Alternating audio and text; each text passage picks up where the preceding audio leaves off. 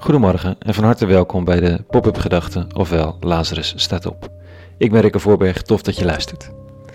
Vanochtend met de titel Geniet ervan, hè? Hm. Pop-up Gedachten, vrijdag 1 mei 2020.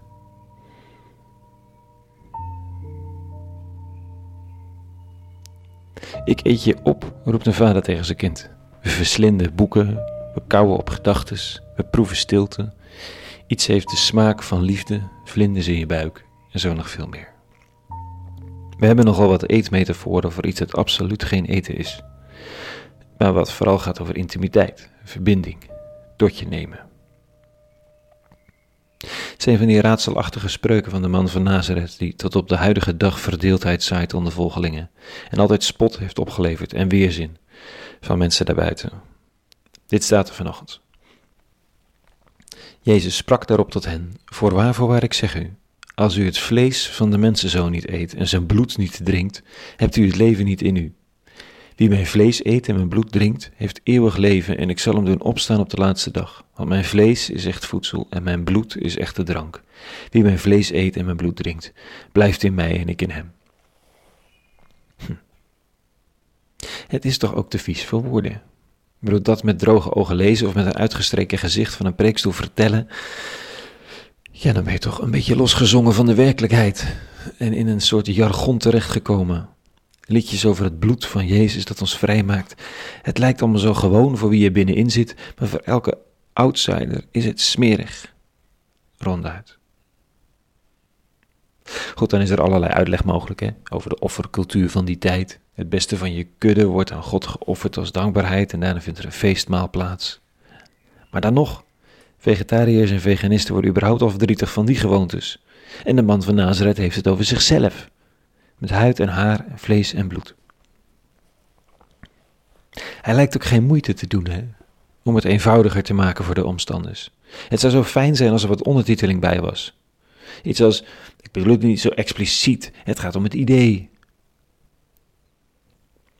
Punt is dat we nooit zullen weten of het echt om het idee ging. En om welk idee dan? We kunnen er naar raden, op studeren, iets waarschijnlijk achten, maar veel verder komt het niet. Je kunt er dus ook allerlei gekke dingen mee doen. En het is niet zo vreemd dat in de vroege dagen van christendom ze werden beschuldigd van cannibalisme. Het is niet onlogisch hè, met zulke teksten. Er lijkt niets boventijdelijks overgeleverd te zijn. Alleen ervaringen en weerslagen van momenten volledig verweven met tijd en plaats. Er is geen idee schoon uit te trekken. Het idee zelf is onderdeel van die plaats en tijd. Er is niets zeker te weten. Misschien alleen dit. Dat je in de hoop zelf, dat je iets voelt, gezien hebt, begrijpt, zelf in dezelfde lijn, in de eigen tijd en plaats, de man van Nazareth volgt. Misschien is dat het wel. Dat het niet het idee is dat we de woorden bewaren en hierboven tijdelijk in een volgende scène in de geschiedenis uit de hoge hoed toveren. Het gaat er ook niet om dat we de Jezusfiguur uit die tijd transporteren en hier in deze tijd aan iedereen tentoonstellen.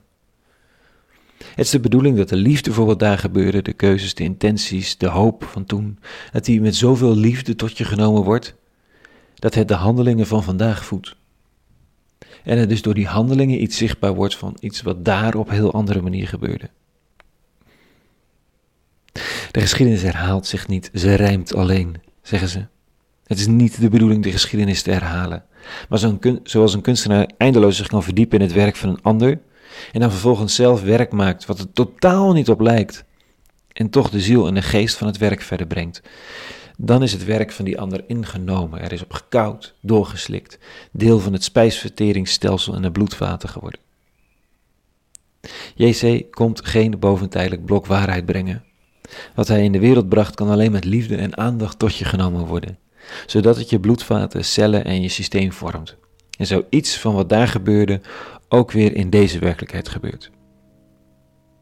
Het is ook allemaal zoveel lijfelijker, zoveel ongrijpbaarder en zo minder berekenbaar dan ik zo vaak heb gedacht. Mooi ook, maar niet makkelijk. Het vraagt eigenlijk alleen om toewijding. Meer niet.